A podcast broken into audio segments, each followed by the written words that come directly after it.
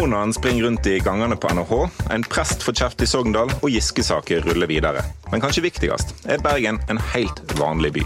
Velkommen til Noen må gå, en podkast fra Bergenstidene. Med meg i studio har jeg Jens Kiel.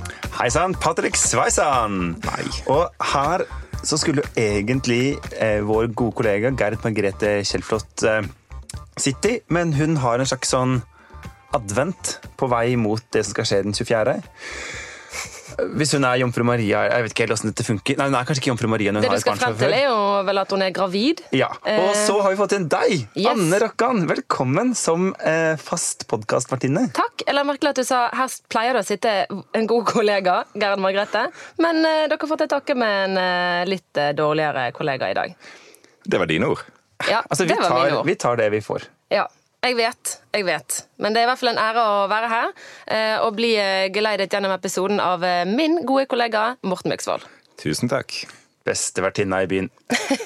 Vi skal straks videre, men først, hør litt på dette. Kjære, kjære venner. Først takk for alle rørende og varme meldinger. Alle oppfordringer om å stå på fra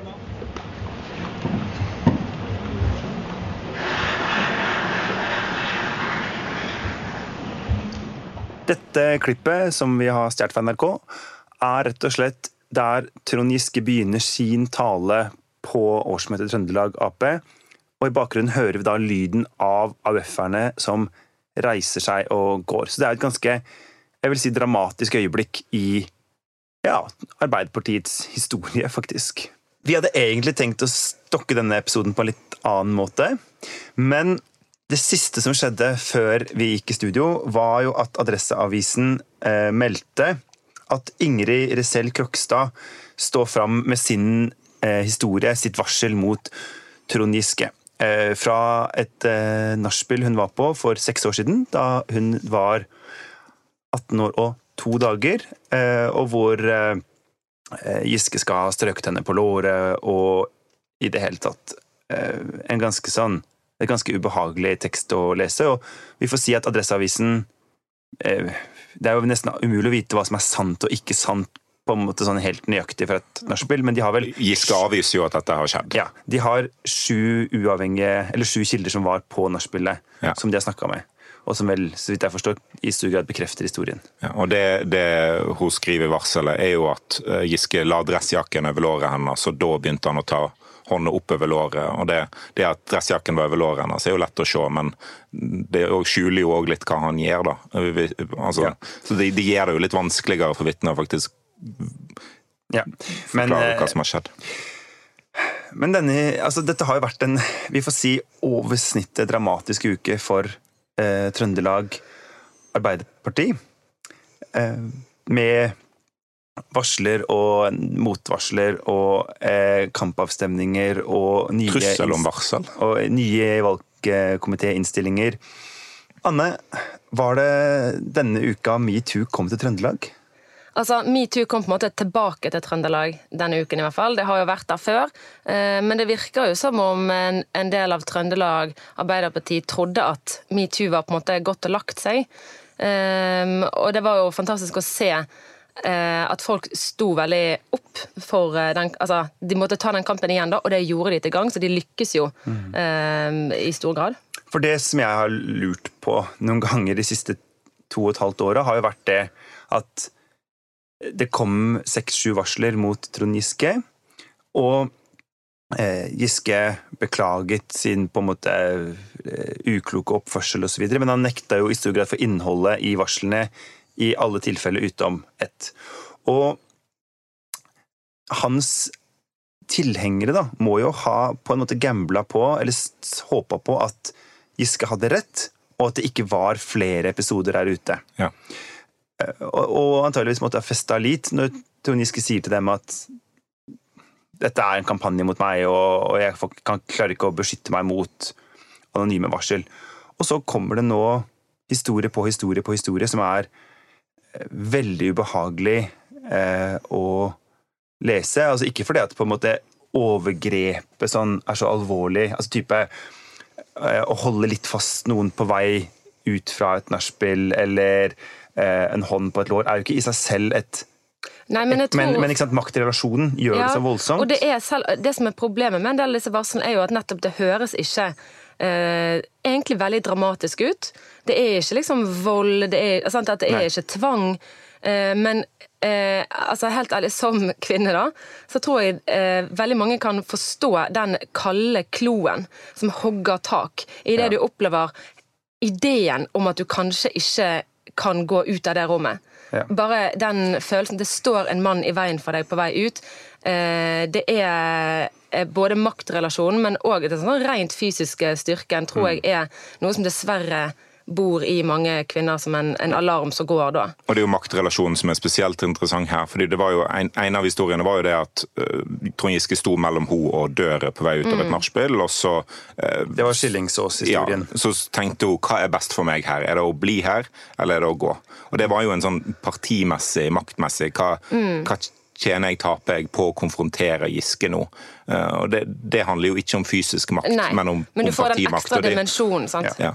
Og det er jo det metoo egentlig handler om, er den maktrelasjonen. Uh, ikke at uh, nødvendigvis kvinner frykter vold, men at en frykter uh, konsekvenser av å ha trossa de med, med makt. Ja. For jeg tenker også sånn eh, på en måte, De gangene jeg har blitt klødd på rumpa på, på, ute på byen, så er det sånn Ah, gi deg. Men det er, ikke, det er ikke farlig eller ubehagelig på den måten, for det er jo ikke en maktrelasjon i bildet. Da er det bare Jeg er litt full og er på byen, og de er litt fulle og er på byen, og så kan man eh, på en måte si ja takk eller nei takk, alt ettersom hva man vil. Og oftest nei takk, får jeg si. Men, men de tingene der er jo ja, Det var jo veldig modig av de kvinnene å stå fram, fordi at i og med at Giske jo vil på en måte fremdeles nekte for innholdet, så blir det jo en ganske tøff ord mot ord-diskusjon de må stå i.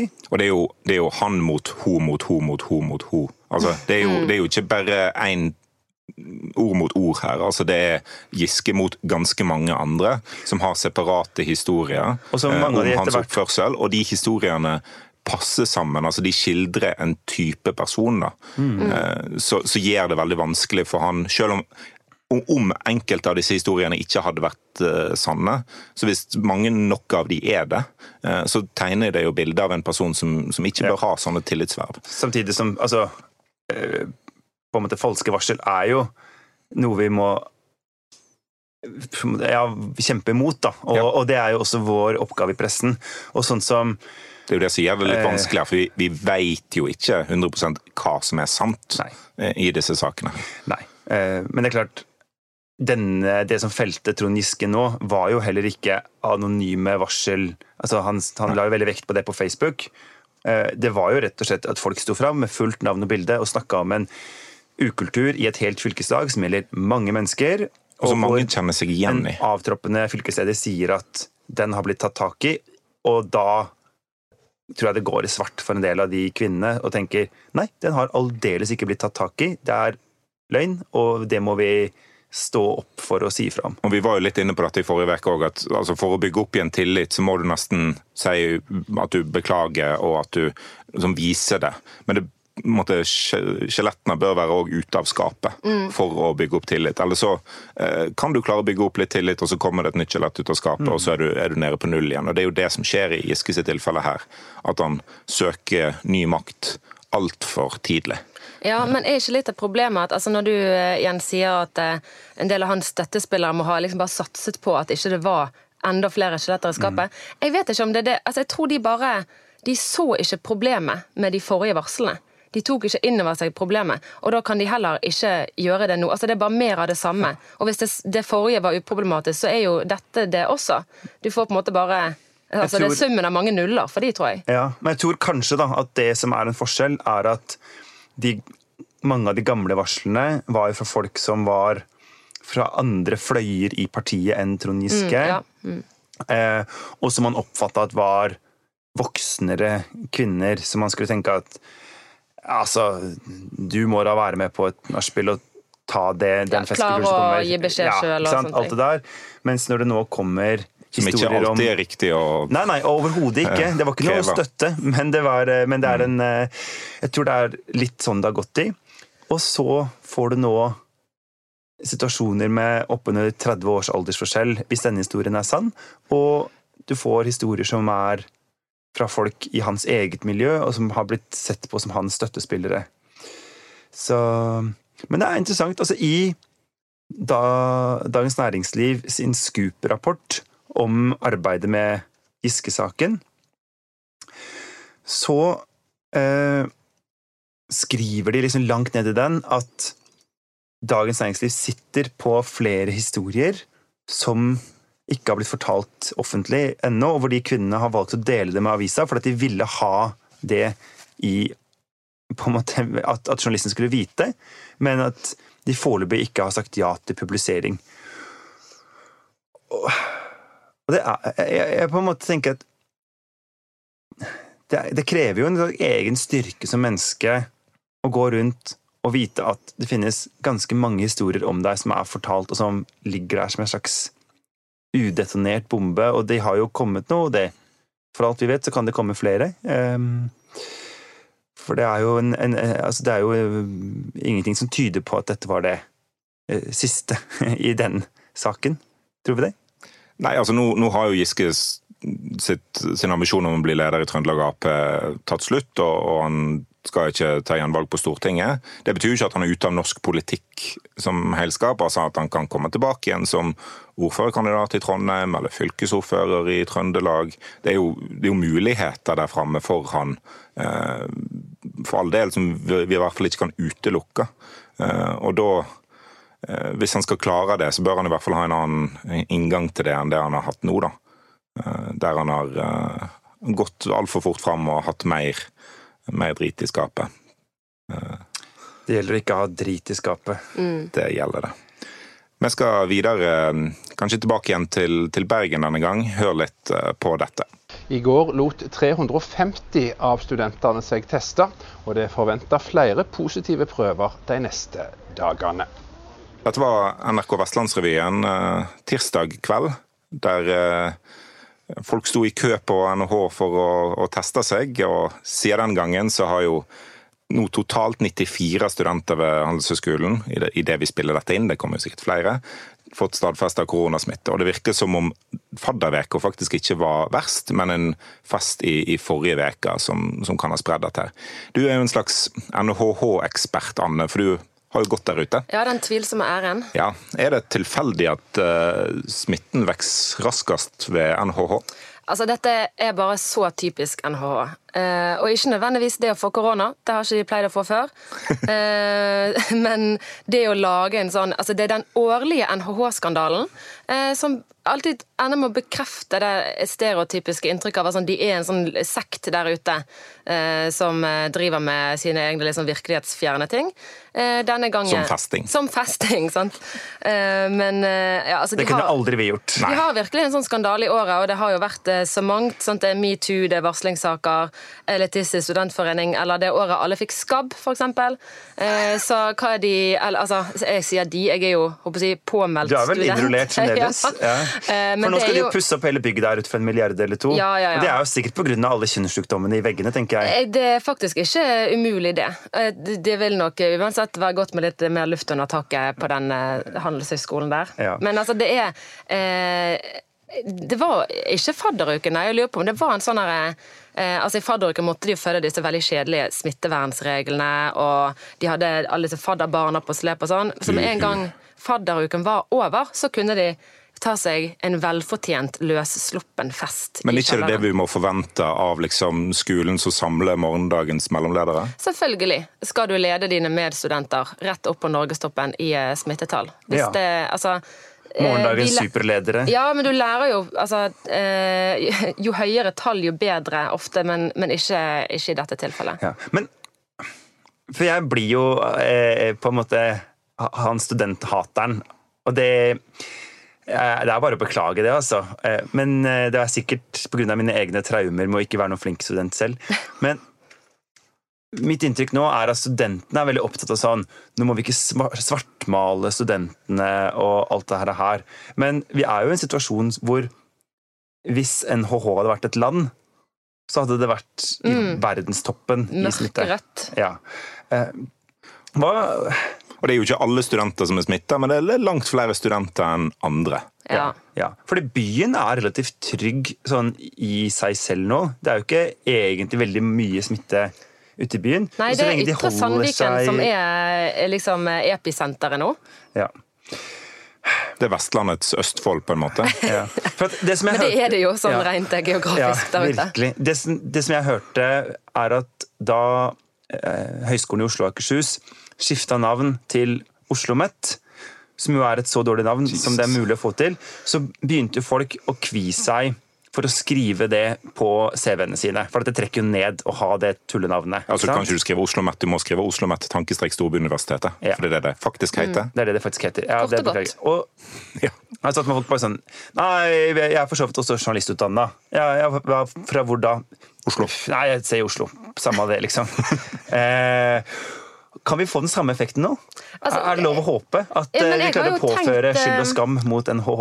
Jeg har blitt siviløkonom utdanna i, i Bergen. Ja, I et I Bergen, ja, et eller annet sted ja. på Vestlandet. Ja, men altså, dette har jo vært min sånn evige eh, altså, Det er dette jeg aldri forstår med mine eh, medstudenter på NHH. At de Medstudent, motstudenter. motstudenter, faktisk. Men um, det virker ikke som de forstår at når en liksom, feil først har skjedd, så er det bedre å på en måte ta tak i den og diskutere. Oi sann, eh, skulle vi gjort noe annerledes? Da blir alle NHH-studenter helt sånn paniske, og så sier de sånn hysj. Eh, Ja, det... Dette må vi ikke snakke om, for da blir alt verre, og da blir det flaut å gå på NHO. Og derfor så havner de i sånn Det rare det er for de som blir direktører i. Hurtigruten seinere. Ja, og da eh, vet de hvordan de håndterer dette. De bare legger lokk. legger Ja, Men det blir jo uttalt fra NHO at eh, en av grunnene til at koronaen har spredd seg så masse der ute, er at mange av studentene som har fått det, ikke har vist symptom.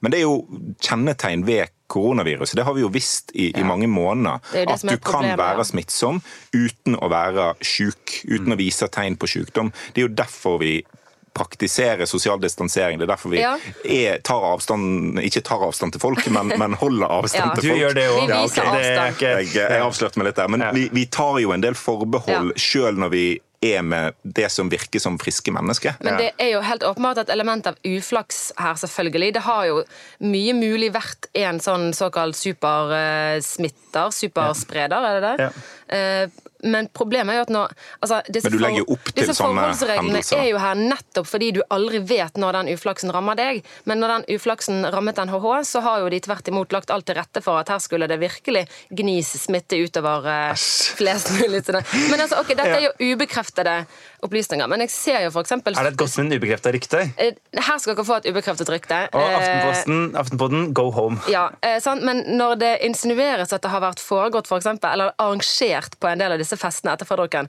stolleken, som da, der konseptet er å skvise seg oppå samme stol, så eh, begynner de jo på en måte å forstå hvordan dette kunne skje. Ja. Det har jo også vært påstand om at den festen eh, som har spredd så mange eh, ja, virus, eh, var alkoholfri. Ja, eller skulle være alkoholfri. Er er jo noen som tror på bare det? den morsomste lille spøken. Altså, de har, det er jo bare helt fantastisk humørfylt av de å orke å tulle eh, midt i en sånn mørk situasjon. For det at NHH arrangerer en alkoholfri fest, eh, er bare så usannsynlig. For. Da det var altså forrige eller forrige forrige NHH-skandale, eh, og studentavisa der ute Bulle? Ja, K7-bulleteng, nei. Ja, jo da. Ja, eh, prøvde oss å opp, rulle opp litt mer i denne skandalen.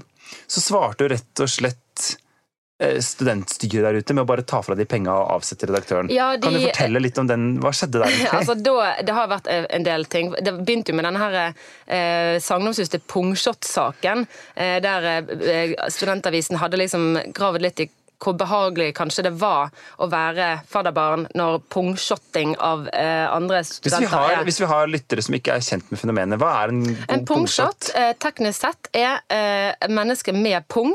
Eh, eh, holder ut pung. Holder i eh, Jeg vet ikke om du kniper rundt eller under eh, pungstenene. Nå er det Eh, gestikulering i studio her. Jeg ikke. ja, men altså, jeg har jo eh, ja, Jeg skal ikke avsløre om jeg har pung eller ei, så jeg er ikke helt, men jeg er i hvert fall ikke helt 100 eh, altså Poenget er i hvert fall at du har sprit oppå Ja. eh, pung, eh, som en da medstudent skvulper i seg fra pung. Har de ikke glass der ute? Eh, bare sånne røde plastkopper, sånn at du kan late som, som du virkelig, ja, sånn at du virkelig kan kjøre den campusfølelsen fullt ut. Så det er klart at når det er tomt for kopp, så er det bare til å kjøre pungshot. Ja, så er det kropp, ja. Ja. Men for da, Men ja, det var jo veldig upopulært eh, for NHH-studentene at eh, deres egen studentavis skulle liksom påpeke ting som kanskje var problematisk. Så de gjorde, som jeg da Kritisk mener de eh, gjør best, de la lokk på problemet ved å rett og slett avsette redaksjonen. Og så valgte de sin egen, der den nye redaktøren uttalte vi ønsker å lage en avis som ikke nødvendigvis er så kritisk til alt. Nettopp sånn som vi gjør her i Bergens Tidende. Bare virkelig oppfyller vårt samfunnsoppdrag. Tenk at pressefriheten døde i Ytre Sandviken pga. pungshots. Ja. Men dette er jo, de er jo eh, ikke eh, veldig eh, altså, de er på en måte konfliktsky. Eh, På en helt sånn eh, ekstrem måte. Da. Men det har jo vært en liten sånn NHH-event borte i Oslo òg, den såkalte Grottefesten. eh, Der folk samler seg inn i Ja. lite Ikke ei grotte egentlig, men en bunkers. Ja. Folk kløyv inn et én gang én meters hull og glemte alt de hadde lært om naturfag. eh, Og eh, mange ble behandla for kullosforgiftning. Er det så viktig å feste at en ikke liksom tar hensyn til Altså, jeg- oksygeninntaket? Jeg kan jo godt forstå behovet for å feste, men altså, jeg må personlig bare anbefale å sitte hjemme og drikke alene. Det er Det har vi anbefalt før i denne Ja, Har vi det, ja? Det er en slags kjerneverdi. jo perfekt Ja, inn. ja. Men altså, en eh, virkelig ekte hjemme alene-fest, og da mener jeg en sjøl alene hjemme Ja, eh, på ja. fylla med seg sjøl. Ja. Det er å anbefale Smittevernsmessig helt perfekt og utrolig koselig. Det beste selskap, vil jeg si. Ja. Nei, jeg er helt enig. Altså, jeg har jo kjent veldig på at problemet med det siste halvåret har jo ikke vært egentlig sånn derre at du ikke kan reise jorda rundt eller sånt noe, men det der at det aldri skjer noe uventa. Altså, at, at hele livet er så innmari planlagt. At jeg kan si mandag morgen nøyaktig hvordan uka foran meg kommer til å forløpe. Eh, Så jeg skjønner jo på en måte den der gleden over at Fy faen, nå skjer det noe, folkens! Nå kan vi stikke dit, og det blir fest, og endelig. Og havna på sykehuset pga. Ja, jo, og så er det litt sånn eh, Glemme at man har lært naturfag. Det er lett å si, men sånn at altså når- Bunker når- kjennetegn- kjennetegnes ofte med at de har uh, få uh, innganger. Men, men det er ikke sant sånn som når du, altså folk får um, en kjønnssykdom, så er det jo ikke fordi at de ikke Exciting times. eh, veit hva som At man kan få det hvis man har ubeskytta sex. Det er ikke sånn at de ikke har peiling på det, men man tar en Anbefaler risiko du ubeskyttet sex for spenningens skyld? Er det det som holder på å skje her? Nei. Eh, jeg sier bare at, at på samme måte som at folk tenker Når de går inn i en bunker, så tenker de dette blir eh, liksom Fordelen er større enn ulempene, eller Ja, dette er mer mm. gøy enn at det kanskje også er ikke så lurt. Eh, at folk gjør jo Det er ikke sånn at når jeg sykler mot rødt lys, så er, det ikke for at jeg ikke aner hva det røde lyset betyr. På en måte. Så jeg tenker Du tar sjansen?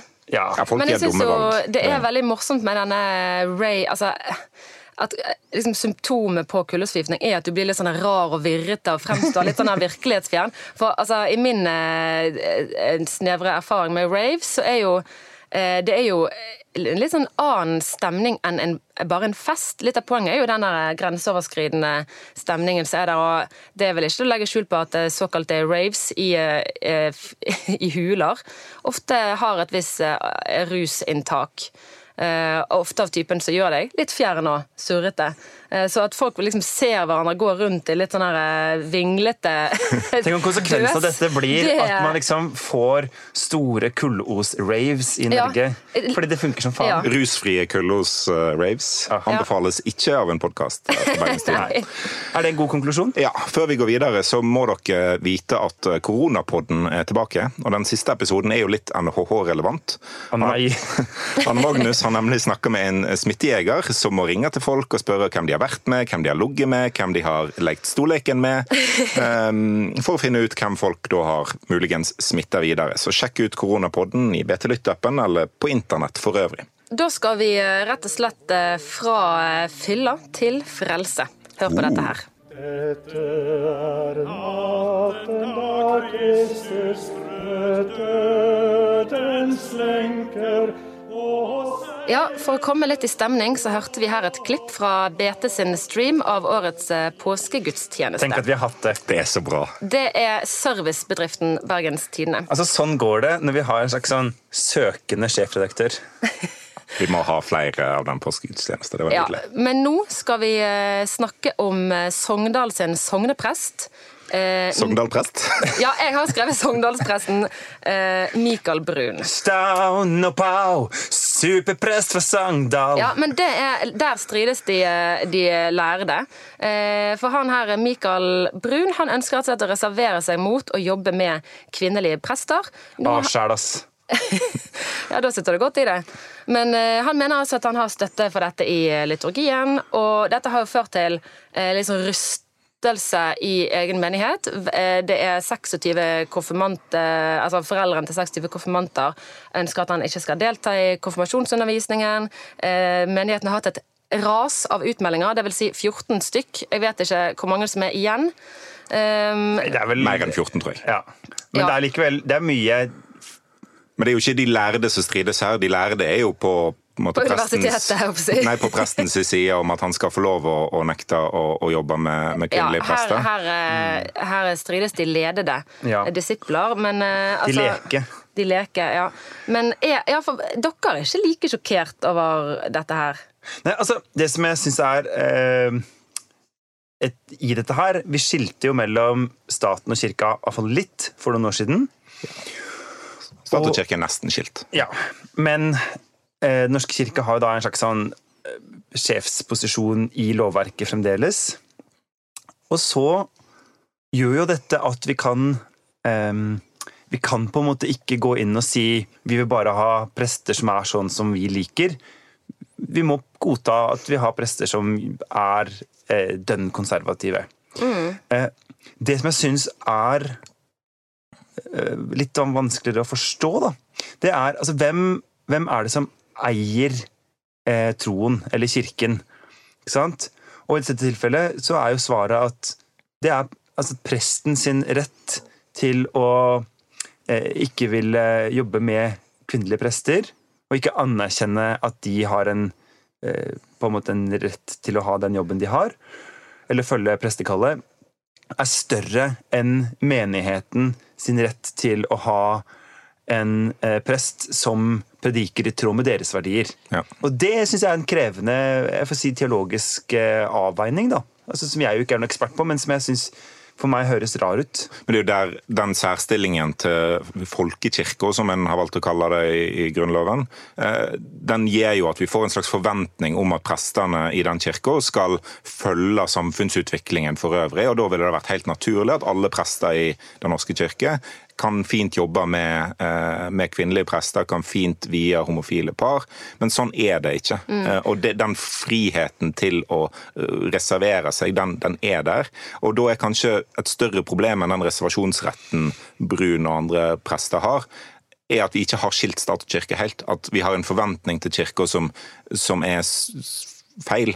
Eh, Vi forventer at kirka skal følge samfunnet for øvrig, men det er ikke nødvendigvis riktig. Altså Forarbeidene til presteutdanningen, eh, Bibelen, eh, er jo litt tydelig på hvem som kan være prester. Eh, Ja. Og Brun tror jo på at dette er Guds ord, det gjør ikke jeg. Eh, Og så er det jo prester som, som tolker Bibelen annerledes, og som mener at den er skrevet i en, en annen tid, og at en må, må, må praktisere kristendommen i vår tid. Der For det er laget de- en tid der man ikke hadde kvinner. en hadde i hvert fall ikke kvinner som skulle si noe i forsamlinga. Man kunne verken se eller høre dem, så det Ja. var veldig praktisk. Eh, Så, så den diskusjonen må de på en måte ha innad i kirka, syns. Jeg, jeg, jeg syns i hvert fall det blir feil om, om samfunnet skal eh, Men- kreve ja. av kirka at de skal jo- være like likestilte som oss andre. Dette er jo ikke samfunnet, på en måte. Det er jo kirkemedlemmer Ja. som krever det av sin egen kirke. Og der finnes det, jo mekanikker jo... Ja. innad i Men det kirkedemokratiet. på en måte. disse her konfirmantene er jo ikke nødvendigvis eh, måte, aktive i denne menigheten. De er jo aktive ved at de er konfirmanter. Jo da, men eh, altså, kjenner jeg meg sjøl og andre altså, På seg sjøl kjenner man andre, da. Jeg er faktisk kristelig konfirmert, og det var jo på en måte bare en, en sedvane, eller en sånn herre Alle andre gjorde det, og eh, Mm. Ja. Men jeg syns jo nettopp derfor det er nesten litt sånn mor Jeg godter meg litt over dette her. For jeg føler at det Brun gjør, er en litt sånn herre betimelig påminnelse til alle som bruker kirken litt sånn når det passer dem. Mm. Eh, altså, veldig mange vier seg, døper barna sine og konfirmerer seg i kirken uten å ta inn over seg at det er altså det er ikke et bevisst valg for dem, men det burde det være. For kirken er jo fortsatt, jeg tror for sånn ganske ofte krampaktige forsøk på å fremstå moderne og sånn som dere sier, altså, i takt med samfunnet for å på en måte appellere til flere tilhørere. Eh, Men det er også i stor grad en konservativ og av og til nettopp reaksjonær institusjon. Og det syns jeg det er rart at folk ikke tar inn over seg når de bruker den til store ritualer i livet. Så tenker jeg at eh, en del vil nok se på kirken helt motsatt av det du gjør. Altså si at eh, vi har en kirke som går imot oljeboring, som sier at nå må Norge ta imot mange flere flyktninger osv. Oppfatter at det er en veldig sånn hard venstredreining i Den norske kirka. Og, og da sier jo vi ja, men det må jo være opp til eh, på en måte til kirka selv å avgjøre hva den vil mene i den type spørsmål. Det kan ikke vi. Ja. Og, og, og hvis vi mener det, så må vi også godta dette, da. Ja, men det, det mener jeg at vi skal gjøre. Kirken er jo eh, den, ut, Enten den vil eller ei, så er det jo på en måte et politisk spørsmål. Eh, ja, hele religionsorganiseringen vår i dette landet. Og eh, jeg mener bare at du kan ikke du kan ikke cherrypicke det du liker med kirken. Og du kan ikke si at jeg syns det er bra at de huser flyktninger, men, eh, vil, vil, men det er kjedelig at, de, at vi har en konservativ prest som ikke vil jobbe med kvinner, og så blir du liksom irritert for at ikke kirken passer eh, det du vil han skal være. Har vi Altså, hvordan kan vi klare å skille mellom stat og kirke fullt og helt? Kommer det til å skje? Altså, Kirken er veldig imot skilsmisser generelt. Det er litt vanskelig å hvert fall, jeg ta det tror, siste steget. Ja, det kirka i Sogndal. Altså, ja, jo I 2016 så slutta Gloppen kommune i Nordfjord å ha kristelig konfirmasjonsundervisning i eh, skoletida. Ja.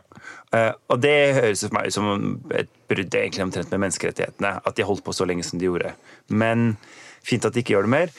Men det er jo litt sånn her på Vestlandet så er kirka enda mer enn en del andre plasser så tett integrert i hverdagssamfunnet da, for veldig mange. Jeg vokste opp med salmesynging eh, når en kommer på skolen, når en går fra skolen og når en skal spise mat. skjer det på altså på, bar på barneskolen. På- På, feste, ikke På på, Miksvoll eh, barnehage og pub AS. Ja, det, det er Skolen heter da Feste, den har ingenting med puben å gjøre. Det er bare Gud, sånn at Gud kom aldri til. Olsvik ungdomsskole, dessverre. Så det, som ble, Nei, Bergen vest er liksom ikke som Oslo vest. eh, jeg har aldri satt mine ben på Oslo vest, på det har jeg vel, men eh, jeg vet ikke hva du mener. Ikke moralsk sett. Nei, det vil jeg ikke ha på meg. Ja. Kommer vi til å klare å få et fullt skille? Jeg håper jo det, eh, men det krever jo at eh, vi tar Gud fullstendig ut av Grunnloven. At vi ikke krever at kongen skal være eh, kristen. At vi fjerner den det privileg, de privilegiene som folkekirka Ja, at prester ikke lenger er offentlig ansatte. Ja, og at det er Den norske kirke og, og bevilgningene til de som dikterer hvor masse andre trossamfunn får. Det krever en likestilling av trossamfunn, og det vil jo ikke kirka ha. De vil ha friheten som kommer med eh, å ikke være underlagt staten i ett og alt. Eh, Men de vil ikke ha konsekvensene av å være helt likestilt heller. Og der jeg tror det kommer til å ta lang tid før vi kommer oss dit. Eh, Kanskje må monarkiet ryke før kravet til en kristen konge forsvinner. Ja. Men det er jo ikke bedt imot. Nei, det er vi ikke imot. Vi går videre til noe annet som BT kanskje er for, nemlig Bergen. Jeg forstår at eh, det er der vi skal i, på Vestland eh, i dagens. Du, hei, hei, hallaisiken. Vi skal rett og slett til eh, Bergen. Fordi vi har en kollega, Gerd, som nå eh, ikke er si, blant oss. Det er hun jo definitivt, men hun er eh, ikke på jobb. Men det siste hun gjorde før hun eh, stakk ut i permisjon, var å levere en tekst om alle de folka som går rundt og skaper et sånt mytisk eh, bilde av Bergen. Ja. Og så er hun da meget kritisk til de og sier Bergen er bare en by som alle andre. Det er ikke en tilstand i min sjel, som eh, Ole Paus en gang skrev. Og særlig så raljerer hun litt med folk som har studert i Bergen, eh, og så flytta i hennes tilfelle, eller det hun peker på, tilbake til Østlandet eller sånn, og som etterpå sitter og sier sånn Det var koselig å være der borte, spennende, rare folk, men jeg kunne aldri bodd der som voksen. Sånn på ekte. Ja. Anne, Ja. hvor eh, er, er Bergen liksom Vestlandets Drammen eller Moss eller Nei, slutt, slutt. Bodø eller Ja, bare vi eh, Kongsvinger? Arendal? Skrekk og gru. Sandnes? Ja, nei, eh, Bergen er jo Bergen. En ting jeg, jeg, må, oh, jeg kan begynne med å si at jeg er enig med Gerhard i en ting, og det er at det er jo veldig irriterende når spesielt østlendinger liksom Oh. omtaler eh, ja, Jens eh, omtaler Bergen som en litt sånn søt liten tulleby.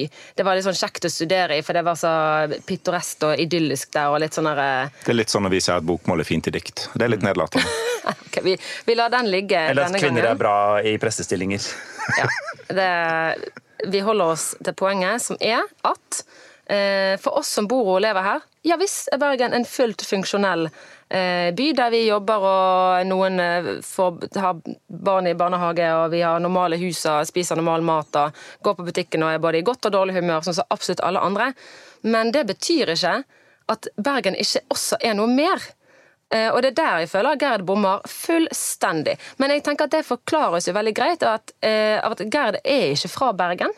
Nei. Og da er det kanskje altså hvis, Jeg tror for folk som kommer her, enten eh, opplever du Bergen som mer enn en vanlig by, eller så gjør du ikke det. Og hvis ikke du gjør det, eh, så er jo det synd for deg. Da da- kan, jo, da kan jo du bo hvor som helst. Men vi andre, vi bor her. Eh, Hvis du er født og oppvokst i Åsane, Laksevåg, Arna, Fana, Ytrebygda, er du da fra Bergen? Ja. Vi Men du var ikke fra Bergen for 50 år siden? Det- For det er en kommunesammenslåing som skjedde for 50 år siden. Så hvis Askøy blir med i Bergen eh, nå, er det å være er, er folk som bor og oppvokst og har hele slekta si på Askøy, plutselig Men Radøy, en tilstand i forandrer seg jo. Men det det, vi bryr oss ikke om hvor du er fra. Så Jo, lenge du opplever deg som Nei, hvis du f.eks. har en god venninne som er fra eh, Oslo. Oi. Eller Nordstrand, i hvert fall. Eh, og hun var Nå husker jeg ikke akkurat hva stilling eh, hun hadde, men hun var med i 17. mai-komiteen, blant annet. Eh, I den ganske tradisjonsrike komiteen som arrangerer 17. mai her i Bergen.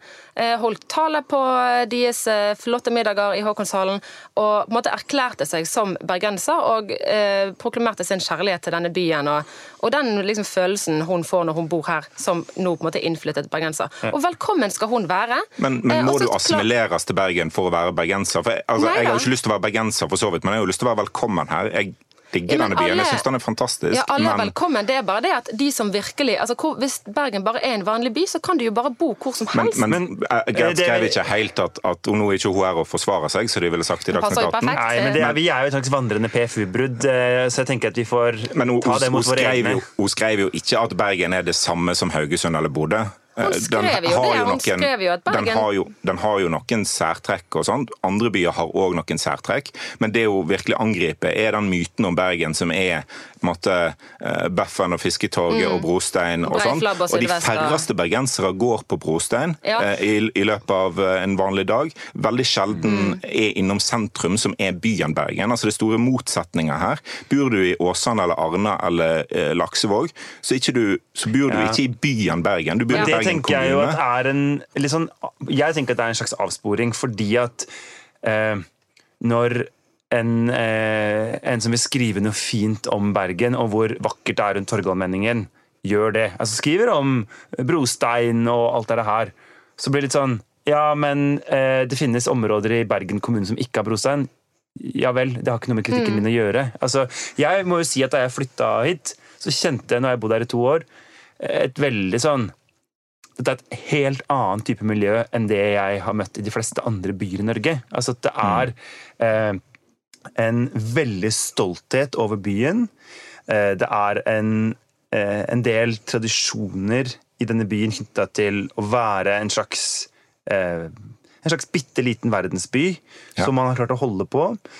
Eh, det er jo denne evige mindreverdighetsfølelsen mot Oslo som gjør at man på en måte får sånn ekstra behov for å hevde seg. Um, Men, men samtidig så oppfører jo, i hvert fall historisk sett, så har jo Bergen oppført seg som Oslo mot omlandet sitt. Altså Bergen har jo vært den store bremseklossen eh, liksom, og, og vist stor avstand til Rest-Vestlandet i liksom, de store eh, motkultursakene men er ikke det en helt annen debatt? Ja. Nei, altså Det er jo ikke det noen av de her har prøvd å skrive om. Og det er ikke det Geir Altså, tar de, opp heller. de, de virker, for meg virker det som om Gerd har gjort litt dårlig research en del steder. F.eks. når hun skriver at eh, altså, det er ingen som har sånn hva hun sa, gåmann i dagligtalen, og folk går ikke rundt på Torgallmenningen eh, og roper hallaien til hverandre. Og eh, På vei inn i dette studiorommet så kom en eh, fotografkollega forbi og sa 'hallaien'. Jeg tror jeg sier 'hallaien' til folk, eller lignende, eh, mange ganger daglig. Jeg har også vokst opp med familie som hver gang de hører et eller annet hoderystende, så sier de 'går du hjem?' og lignende. Altså det, jo, sånn er vi. Sånn er vi faktisk. Jeg går over brostein hver dag. Jeg har to sydvester. Eh, og det må man jo for å overleve her. Og jeg bare, altså, Gerd har tidligere, altså frem til jeg nå har kommet inn her, sittet i denne eh, podkasten som dere konsekvent omtaler som Poddiken. Så hvordan hun liksom kan ha gått glipp av at jo, vi snakker faktisk sånn, det skjønner, det skjønner jeg ikke. Jo, men andre byer har jo òg ord og uttrykk som er ganske særskilt Ja da, for de, og da, sant? men selvfølgelig, alle byer er jo særegen. Ja. Det er jo nettopp det som er poenget. Og hvis det er liksom sånn alle byer blir like fordi at de er like i Men, sin men særegenhet anklagen her er ikke at Bergen er lik andre byer. Men det er en vanlig by. Det er en, det er en vanlig by som har særegenheter, akkurat som andre byer har Men særegenheter. at- Og så liker jeg de særegenhetene som er med Bergen, men det er ikke sånn at, at resten av Norge er et uh, platt uh, liksom, landskap uten personlighet, mens Bergen er liksom denne mytiske skapningen med, med breiflabb og buekorps. Altså, det, Mm. det tror- en del av de fraflytta studentene som ser tilbake igjen på, på studietida si og er sånn Ja, ja, det bor nå nesten 300 000 mennesker i Bergen, men for meg er ikke det godt nok å bo der. For det jeg husker, er fylla i sentrum. eh, og, og, eh, og, og det å være student, det var en epoke i mitt liv. Det er tilbakelagt, heldigvis for det, for jeg bor i en voksen by nå. Det er jo det som er Ja, men Det er de si, som blir angrepet altså- i denne teksten her, ikke bergensere. Ja, men det, jo, men det, ja, det er jeg men enig i. klassisk eh, bergensere, så blir en veldig defensiv med en gang en hører at noe annet om Bergen enn at det er verdens vakreste by. Da blir en veldig sur og veldig trass fordi at noen har snakka stygt om byen min. Og det er et særtrekk ved Bergen. Ja, men det er jo litt trist. Tidligere politisk redaktør her i BT, Sjur Holsen, han skrev en gang at eh, hver gang en bergenser flytter til Østlandet, så stiger gjennomsnitts-IQ-en marginalt begge steder. Og Ja. Det føler jeg oppsummerer egentlig veldig det hvis jeg kan snakke på vegne av bergensere, det vi føler. Hvis ikke du vil bo her, hvis ikke du syns dette er en liksom seriøs nok by for deg, så er du velkommen til å dra. Ja. Jeg, jeg tenker jo at det er en del altså Sånn som at Bergen er en spesielt vakker by, f.eks. Altså jeg mener at det er ikke sånn at, Ja at du kan si at eh, eh, forskjellige byer i Norge er fine på hver sin måte. Altså Erik Skutle, som eh, Høyre-politiker og ja, en slags venn av podkasten, hadde et veldig godt lesebrev synes jeg, om det her. Altså hvis, hvis Bergen var litt en by som alle andre byer, spesielt på sin måte, så er det likevel ikke sånn at folk fra hele verden valfarter til alle mulige andre Men, plasser. men Gerd har heller ikke påstått at Bergen er liksom ikke finere enn andre. Nei, det, det står ikke nei, i teksten men- hennes. nei, så det men- blir òg en avsporing. da. Eh, Men jeg tenker at, at de her tingene, det er en del ting som gjør Bergen til en reelt spesiell by. Altså hvis du, Mitt inntrykk Jeg kan utrolig mye mindre om fotball enn deg, men mitt inntrykk er at supportermiljøet rundt Brann er mer intenst enn mange andre plasser i Norge, Ja. f.eks. Så det er en del særtrekk her eh, som jeg også kan skjønne at folk som har studert her og flytta videre med, eh, vil ta vare på hjertet sitt som en spesiell eh, opplevelse. da. Jeg vet ikke om vi blei så mye klokere. Eh, vi fikk vel hvert fall avklart at eh, eh, vi alle tre kan servere noen solide stråmenn i Gerds eh, fravær. Eh, og stråkvinner og stråhenpersoner. Og Hen-personer, som de elsker å bli kalt, ja. ja, ja. Strå-hen-personer. Sykt ord. Ok, skal jeg gjøre dette på nytt? Nei! Ok, vi ble kanskje ikke helt enige her, men vi fikk i hvert fall avklart at vi alle tre er, er i stand til å hive ut noen gode eh, stråmenn. Stråpersoner heter det sikkert i våre dager. Og så får vi egentlig bare dasse ut i regnet og sjekke om det er så jævla spesielt som folk skal ha det til.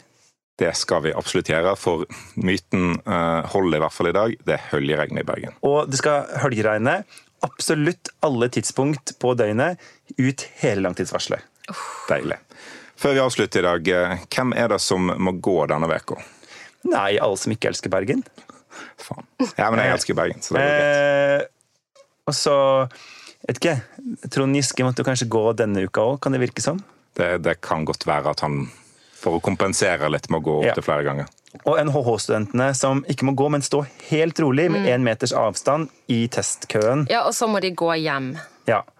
Og der kan de godt drikke seg fulle, i ro og mak. Ja. 1-1. Flasken og deg.